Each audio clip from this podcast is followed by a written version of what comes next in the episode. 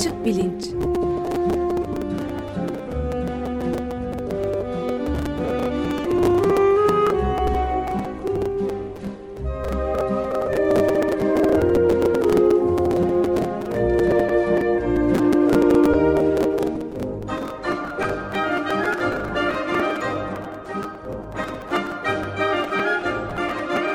Güven Güzeldere ile bilim ve felsefe sohbetleri. Günaydın Güven Bey, merhabalar. Günaydın Ömer Bey. Günaydın Güven Bey, merhaba. Günaydınlar. Günaydın Can. Ve şimdi konuğumuz da var. Murat Kubilay ile beraberiz. Kendisi Genç İşsizler Platformu kurucusu üyesi. Ee, yeni biz de sayenizde yeni duymuş oluyoruz. Hoş geldiniz. Hoş bulduk. Merhabalar. Hoş geldiniz efendim. Hoş geldiniz Hoş Murat. Bey. Teşekkür ederim. Genç İşsizler Platformu e, yalnızca birkaç ay önce kurulmuş. Çok yeni bir platform fakat e, çok önemli bir e, işlev e, üstlenmiş durumda. Çünkü aslında e, gelişmiş ülkelerde işte liseye ya da mesleki lise ya da üniversite eğitimi almış olan gençlerin e, hepsinin kendilerine uygun bir iş bulması beklenir. Türkiye'de durum pek öyle değil. E, hatta TÜİK'in e, son açıkladığı verilere ve bu verilerden yola çıkarak e, DİSK Araştırma Merkezi'nin yaptığı araştırmaya göre benim elimdeki rakamlara göre e, Türkiye'de yalnızca işsizlik sayısı işsizlik oranı çok artmış değil. Genç işsizlik e, oranı e, müthiş bir e, zirvede. E, her dört e, gençten bir tanesi işsiz. E, ve e, bu gençlerin aslında hangi zorluklarla e, karşı karşıya yaşadıklarını çok da iyi bilmiyoruz. E, geçen hafta e, hatırlayacaksınız İstanbul Üniversitesi'nden genç bir kadın öğrenci kendi hayatına son verdi. İşte açlıkla, yoksullukla, işsizlikle e, uzun bir mücadeleden sonra e, şöyle bir durum olduğunu herhalde görmek mümkün. E, medyanın çok büyük bir bölümü bir şekilde iktidar sözcülüğü, e, hizmet birimi e, gibi bir görev üstlendikleri için ee, böyle hani film setlerinde karşılaştığımız bir dekor neredeyse oluşturuyorlar. Zaman zaman olmadık bir olay bu dekorda bir yırtık da bir çatlağa sebep oluyor. İşte birisinin hayatına kıyması mesela işsizlikle, parasızlıkla, açlıkla e, mücadele ettikten e, sonra buna takati kalmadığı zaman e, böyle durumlarda bu e, yandaş medyanın büyük bir telaşla aslında bu yırtığı e, çatlağı kapatmak için e, hep birlikte çalıştıklarını görüyoruz. Bu sefer de gerçekten e, öyle oldu. Yani benim kanımı donduran e, içerikte bir takım haberler çıktı. E, işte işsizlikle ya da e, yoksullukla alakası olmadığını e, anlatmaya çalışan e, özürcü e, iktidar özürcüsü diye, diyebileceğimiz bir takım haberler falan çıktı. Oysa e, bu dekorun yırtığından gözüken arkada işte zaman zaman gördüğümüz e, büyük insanlık dramları var ve her dört gençten birinin hatta daha fazlasının e, işsiz olması e, çok ciddi bir durum.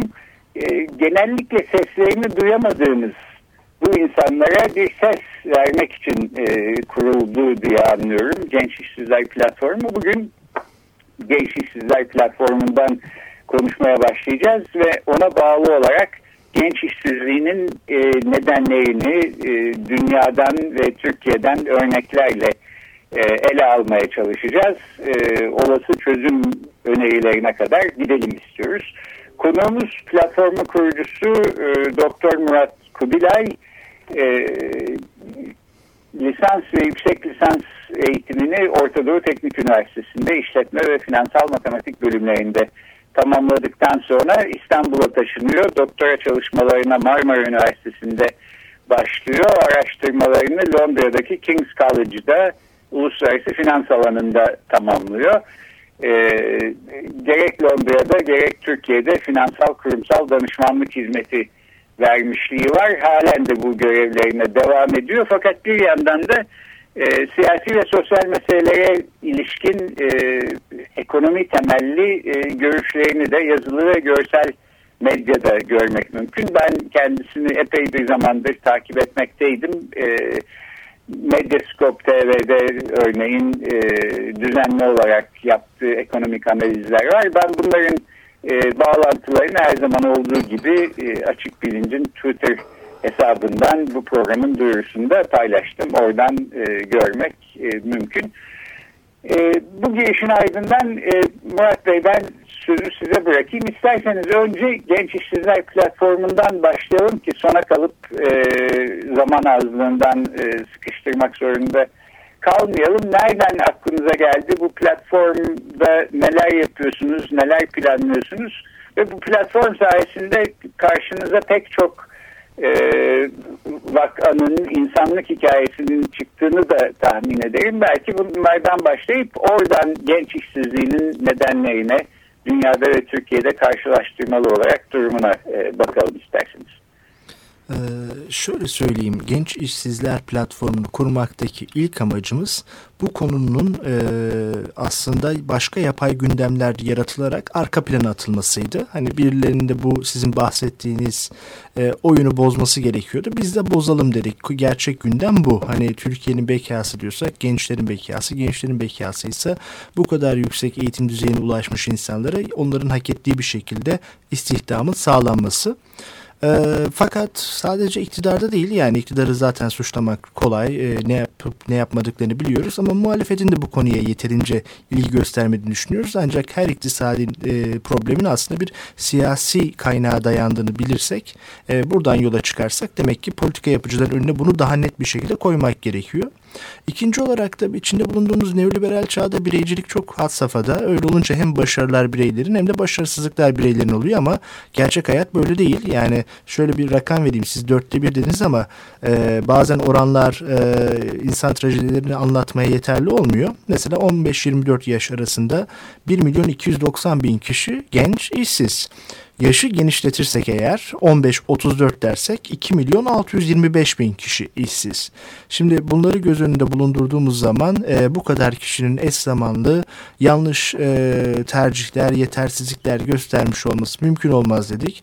Bu bireysel değil toplumsal bir sorun. Suçu da toplumu yönlendirenler dedik. Ama tabii ki içinde bulunduğumuz sosyo-kültürel ortam e, bireyleri kendini suçlu göster e, hissetmesi neden oluyor. Nedir? İşte doğru üniversiteye gidemedim, doğru kentte yaşamıyorum, ailemin yeterince olanakları yok gibi e, bu şekilde kendisine ile ilintili olan kısımlarda hatayı arıyorlar. Hayır böyle değil, sistem yanlış, e, yeterince istihdam yaratmayan bir ekonomi politikası var. Bu ekonomi politikasının e, kötü yönetildiğinde daha da kötü sonuçlar yarattığını görebiliyoruz. İşte krizler yaşandığı zaman.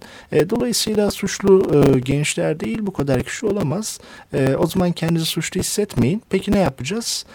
Tabii ki bireylerin daha işi bile olmayan insanların e, gücünü göstermesi en temel yöntemi dayanışma, örgütlenme. O zaman hani biz varız bakın göz ardı ediliyorsunuz. Türkiye'nin BK meselesi gençlerin işsizliğidir. E, lütfen hep beraber sesimizi çıkaralım, birlik olalım, toplumda hak ettiğimiz yeri almak için e, etkimizi ortaya koyalım dedik. Bu şekilde yola çıktık. Çıktıktan sonra da karşılaştığımız hakikaten sizin de belirttiniz bize ulaşan insanlar arasında çok ciddi insan dramları, trajedileri görüyoruz. Yani e, bazen bize öyle resimler atılıyor ki yani tabii ki bunları e, doğruluğunu teyit etme imkanımız yok ama e, boş buzdolaplarını gösteren bakın bu durumlara düştük.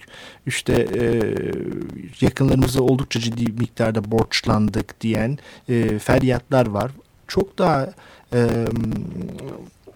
bunun başka boyutları var. Onları biraz sonra geliriz ve vaktimiz olursa eğer ama e, yani daha temel bir sefalete götüren insanlara bir e, durum var ama sadece sefalet de değil. Hepimiz şöyle düşünüyoruz. Yani işte işsizlik dendiği zaman 1929 Amerika'daki büyük buhranı hayal edip işte orada her tarafta üstüne tabelayla işsizim, iş arıyorum, açım, üç gündür evime hiçbir şey götürmediğim gibi en kötü durumları düşünüyoruz ama oralara gelmeden insanın şerefiyle yaşayacağı, mesleğini kendini gerçekleştireceği şeylerden çok uzak bir durum var.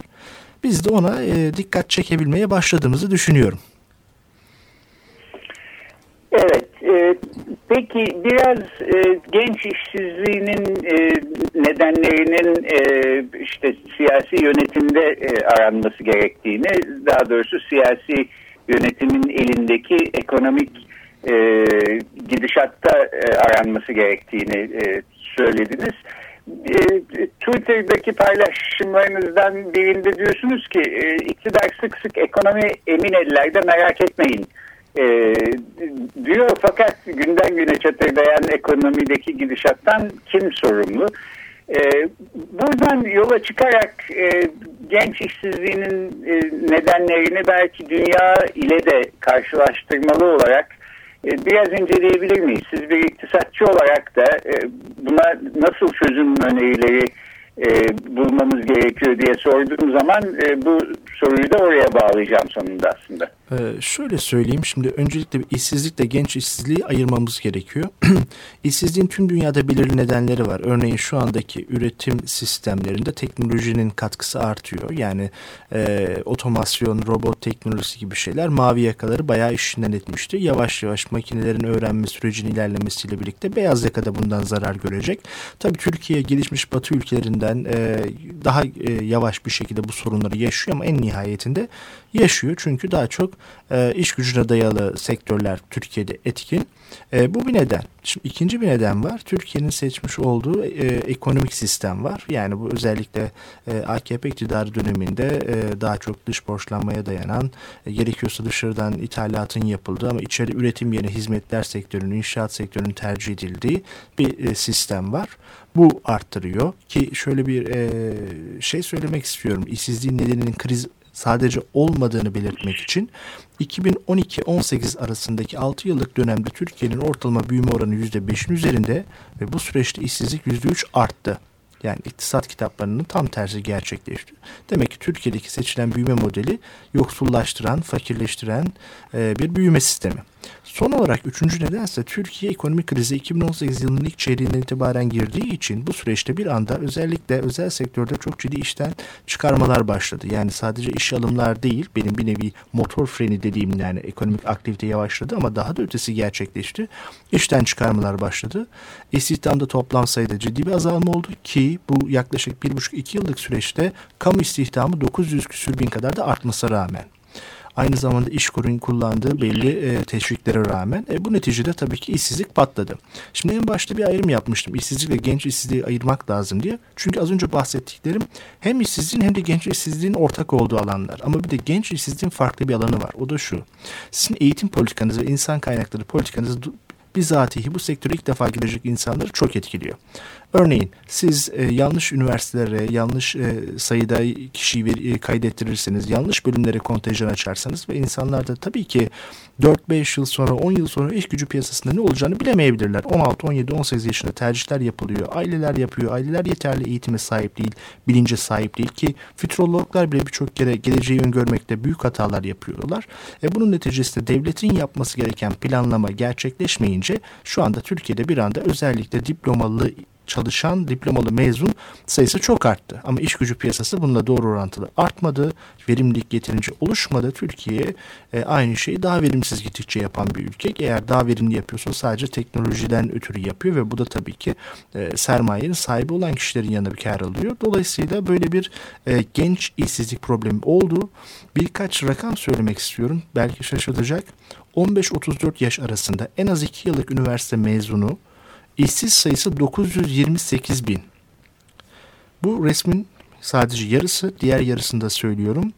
İş gücüne dahi girmeyen aynı yaş grubunda yine en az 2 yıllık üniversite mezunu sayısı 947 bin. Bunun 721 bini kadın, genç kadın. Bu ne demek? Şu. İster tekrar e, iş bulamadığı için eğitim öğretime devam etsin. İsterse toplumdaki muhafazakar nedenlerden dolayı ev işleriyle yalnızca meşgul olsun. Ya da iş bulma ümidini yitirmiş yani uzunca zamandan beri iş arama ihtiyacı e, hisseden ama iş ara bulabileceğine inanmayan ve bu nedenle de TÜİK istatistiklerinde işsiz sayılmayan da çok büyük grup var. Bunları da eklediğimiz zaman aslında e, Türkiye'deki genç işsizliğin çok daha büyük boyutta olduğunu görebiliyoruz. Ki şunu da söyleyeyim, e, uluslararası tanımlara göre işsiz olmanız için şu gerekiyor. E, TÜİK de aynen bunu kullanıyor. Son bir ayda iş arama kanallarından en az birine başvuru yapmış ve iki hafta içerisinde başlamaya hazır olmak. Evet. Şimdi e, bu tabii ki normalde güzel uluslararası bir standart ama bu standartlar gelişmiş Batı Avrupa ülkeleri için yapılmış. Yani Türkiye'de yüz binlerce ücretsiz aile işçisi var. Tarlalarda çalışıyor veya anne babasının dükkanında marketinde çalışıyor. Düşünün haftada sadece bir saat çalışıyorsunuz. Çok düşük ücret alıyorsunuz. Asgari ücretin altında alıyorsunuz. Hiç fark etmez. Gene çalışıyor sayılıyorsunuz.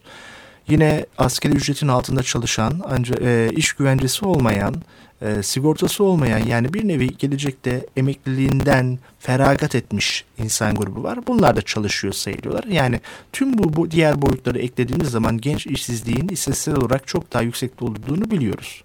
Şimdi tabii size bayağı bir sıkıntılı bir e, durumu anlatmış oldum. Muhtemelen zaten siz de bu hassasiyeti göstererek beni davet ettiniz ama sanıyorum siz de dinleyiciler de durumun çok daha e, sıkıntılı olduğunu anlamıştır ama birazcık daha maalesef moral bozmak durumundayım. Şöyle Türkiye'de son dönemde artan üniversiteli işsizliği e, şaşırtıcı haber şu yaklaşık son 4 yıldır genç üniversiteli işsizlik oranı artmıyor. Peki sayısı artıyor çünkü üniversiteli sayısı artıyor.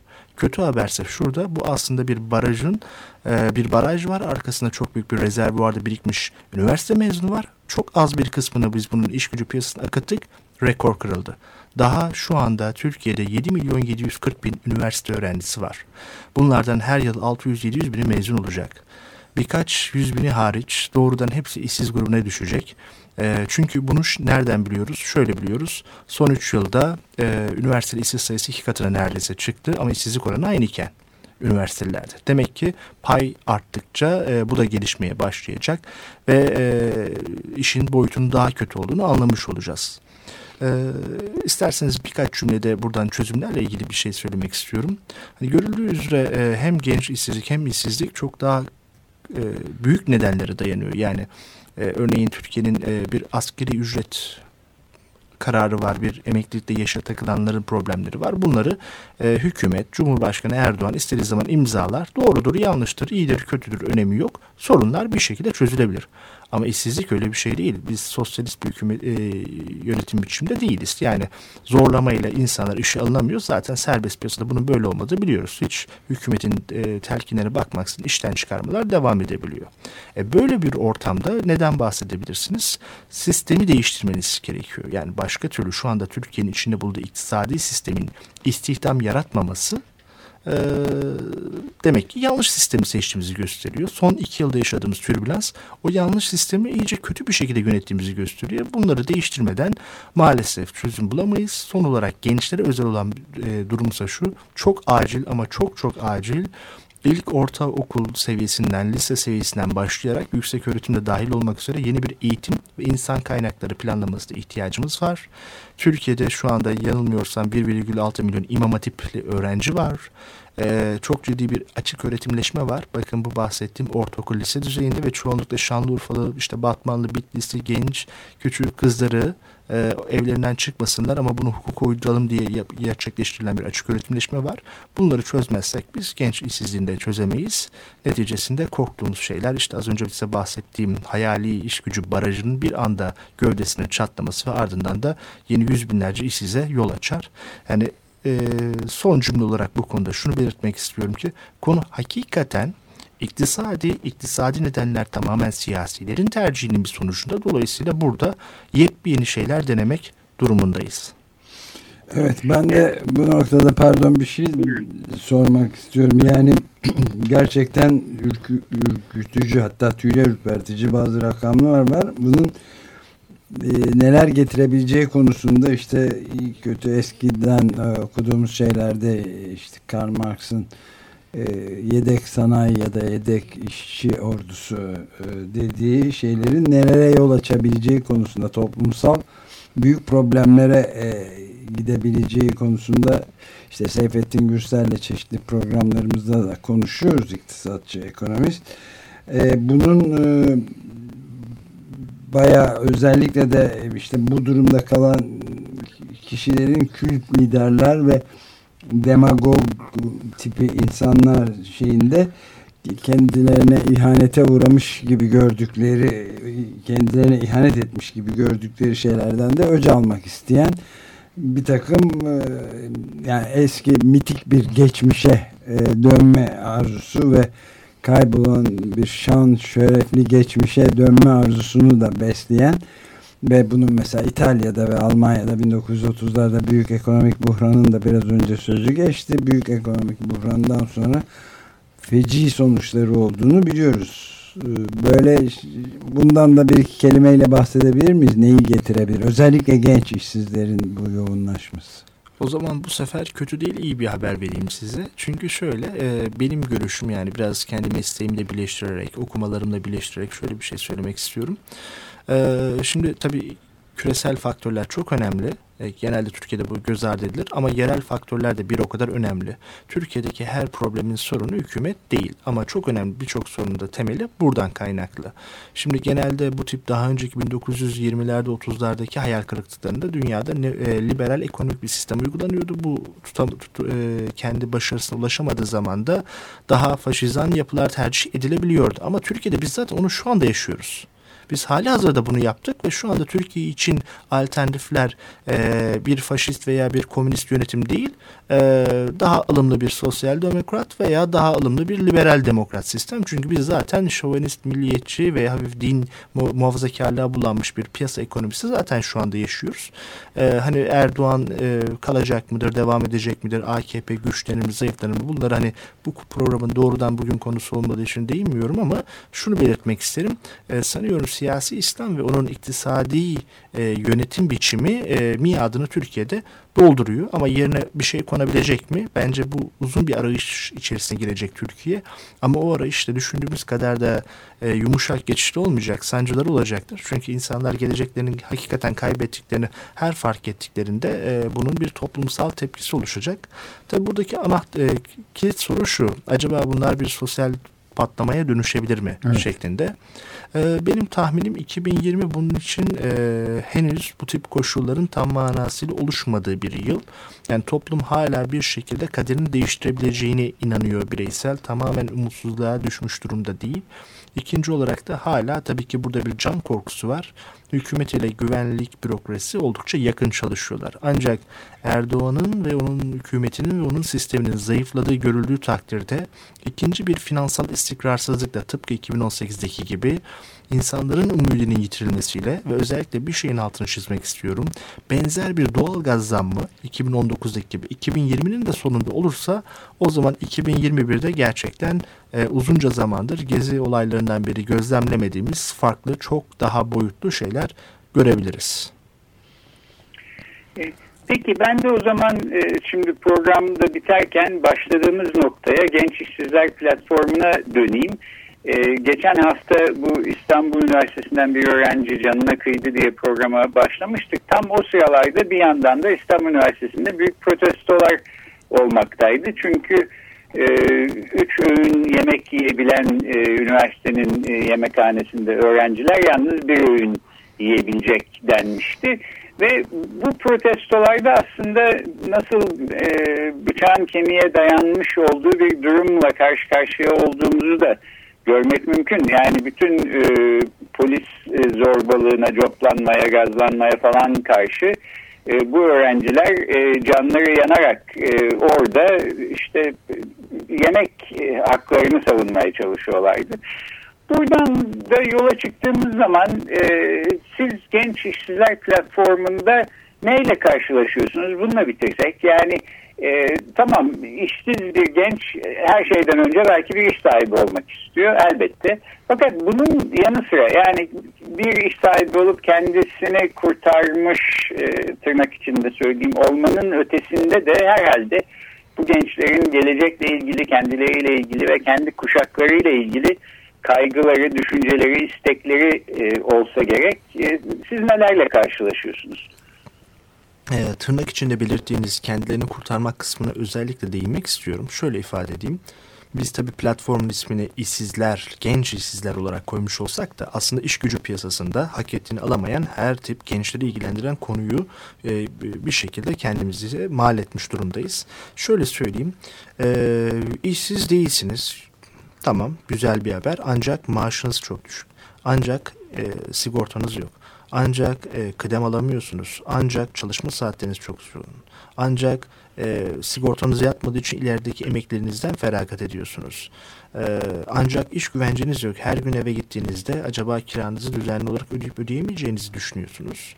Veya çok iyi okullardan mezun olmuşsunuz. Bunun için yıllarca uzunca yıllar çalışmalar yapmışsınız, emek vermişsiniz. Bunun karşılığını alamıyorsunuz. Yani bahsetmeye çalıştığım şey bu işin çok daha fazla boyutu oldu. Özellikle bugün burada birazcık daha diplomalı işsizler, üniversiteli işsizlere değindik. Örneğin bir KYK borçları sorunu var. Yani maça siz sıfırdan dahi başlamıyorsunuz, eksiden başlıyorsunuz ki şöyle basit bir rakam vermek istiyorum. E, şu andaki sistemde lisans öğrencileri ayda 550 TL alıyorlar. Bunu 12 ay 48 4 yıl hesap ettiğimiz zaman 26 bin liranın üstündeki bir borç çıkıyor. 2 yıla kadar öteleyebiliyorsunuz. Burada da beyaz eşya enflasyonuyla bu artıyor. Bu da yaklaşık 30 bin TL'ye geliyor. Şimdi düşünelim çıkan yeni bir mezun zaten iş bulma süresi bir yılı geçiyor. Hadi buldu diyelim. Bulduğu işte e, asgari ücrete yakın altında veya biraz üstünde alacak. Kendi hayat giderlerini karşılayamayacak. Hele hele kirayı ödemek zorundaysa çok daha sıkıntılı bir duruma düşecek. Bir yandan da bu borçları ödeyecek. Şimdi bu bir nevi eski usul e, pranga yani bu kredi borçlarıyla ve şu anda mecliste görüşülüyor bunlarla ilgili ne yapılabilir diye. Maalesef durumun, problemin e, büyüklüğü anlaşılmamış. Faizlerin silinmesinden bahsediliyor ama faizlerin silinmesi o sadece bir köpük kısmı. Ana parası bile çok ciddi bir problem. Çünkü eğitim sisteminde biz şunu yaşadık. Taşralaşma. Örneğin son dönemde çok fazla sayıda üniversite açıldı. Büyük şeyler yaşayanlar birazcık özel üniversitelere fazla e, dikkat ediyorlar ama toplum çok ciddi bir kesimi buraları parayı ödeyemediği için e, devlet üniversitesine gitmek istiyor ama açılan yeni kontenjanlar hep Anadolu'da. Örneğin Türkiye'de en çok üniversite öğrencisi il başına nüfus başına düşen nerede desem Karabük olduğunu, %21 olduğunu muhtemelen tahmin edemezsiniz. İkinci olan Isparta 18,39 onu da tahmin edemezsiniz ama öyle. Bu şu demek aileler buradaki öğrenciler için çok ciddi bir e, maddi yükümlülük altında kalacaklar. E, mezun oldukları zaman aileler bunu ödeyemiyorlarsa e, kim ödeyecek? Tabii ki öğrenciler ödeyemeyince ne olacak? Faiz binecek ve işte bunların neticesinde de bahsettiğiniz sizin diğer boyutları işsizliğin ortaya çıkmış olacak. Yani dolayısıyla şöyle e, bu kısmı tamamlamak istiyorum. İşsizlik bu olayın sadece bir boyutu. İş, boy, e, iş gücüne girmemek veya uzayan mesai saatleri veya e, e, yetersiz ücret, sigortasızlık, iş güvencesizliği, bazen tehlikeli işleri kabul etmek durumunda kaldınız. Yani iş güvenliğinin noksanlığı gibi başka boyutlar da var. E, bunların hepsini bir araya koyduğumuzda bir önceki soruyla da birleştirirsek eğer birazcık daha bu... E, kaynamakta olan tenceredeki suyun altı yanarsa yani ekonomik koşullarda genel bir e, kötüleşme tekrardan yaşanırsa o zaman hakikaten gençler e, tepkilerini daha farklı göstermek durumunda kalabilirler. Çünkü e, hakikaten çok ümitkar bir gençlik var. Yani ben bunu kendi gözlemlerimde e, nicel olmayan nitel bir şekilde söyleyebilirim. Ama aynı şekilde bu ümit, bu heyecan yitirildiği zaman tam tersine döndüğü zaman o zaman çok farklı bir dünyaya gireriz. O yüzden de yani şunu söylemek istiyoruz. Türkiye'de çok popüler bir kelime oldu. Şimdi beka, evet bir beka meselesi var ama bu gençlerin ve dolayısıyla Türkiye'nin beka meselesi en önemli bir sorun budur. Evet e, galiba sürenin de tam sonuna geldik ama platform olarak e, bir, bir cümleyle ne işleviniz, temel işlevinizin ne olduğunu söyleyebilir misiniz? Bir de size nereden ulaşabilir insanlar? Evet, teşekkür ediyorum. Biz şu andaki gençliği çoğunlukla şöyle tanımladık. Mezun, işsiz, borçlu. Eğer kendinizi bu şekilde ve buna yakın hissediyorsanız yani iş çalışıyorsunuz ama iş güvence sorununuz var, ücretiniz düşük, kendinizi geçinemiyorsanız işte o zaman bir şekilde birlik olmak gerekiyor. Lütfen bize özellikle Twitter sayfamızdan veya web adresimden lütfen ulaşsınlar. Genç işsizler e, .org veya et genç işsizler hem Instagram'dan hem de Twitter'dan hem, e, şu anda e, birçok e, veriyi paylaşıyoruz, dramları paylaşıyoruz, haberleri paylaşıyoruz. Onlar da gelirlerse daha büyük bir e, payda oluşturmuş oluruz ve bu şekilde de hakikaten e, belki bireylere iş bulma imkanımız olmaz ama yarının daha kötü olmasını engelleyecek bir şekilde politika yapıcıları uyarma ve birbirimize de psikolojik destek sahibi olma durumumuz olur. Yalnız olmadan hissetmeye. Evet, kesinlikle. Anahtar kelime dayanışma ve yalnız olmama evet anlaşılıyor. Evet. Çok önemli bir platform. Ben bu bağlantıların hepsini e, bu programın Twitter duyurusundan da koydum. Oradan da isteyenler ulaşabilir. E, Türkiye'nin gençliği, Türkiye'nin geleceği sahiden, e, Türkiye'nin bekasını işte Libya çöllerinde değil kendi gençliğinde e, aramamız, bulmamız, çözüm üretmemiz lazım. E, çok güzel bir program oldu. Teşekkür ederiz. Çok teşekkürler. E, bugün konuğumuz iktisatçı Doktor Murat Kubilay'dı. Genç İşsizler Platformu'nun da kurucusu kendisi. Ee, gelecek hafta gelişim psikolojisi e, çerçevesinde e, Profesör Bilge Selçuk'u konuk edeceğiz. Bir aksilik olmazsa ve yeni çıkan kitabı e, bugünkü konulara da temas edecek bir şekilde insan her koşulda e, e, konuşacağız. Haftaya görüşmek üzere. Hoşçakalın. Murat Bey çok teşekkürler. Murat Görüşmek üzere efendim. İnce davetiniz için teşekkür ederim. Hoşçakalın.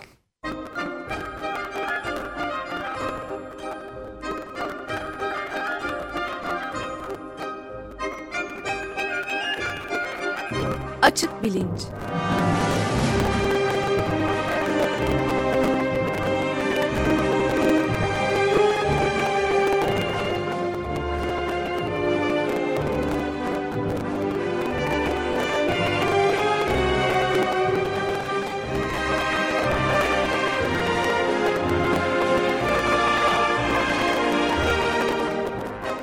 Güven Güzeldere ile bilim ve felsefe sohbetleri.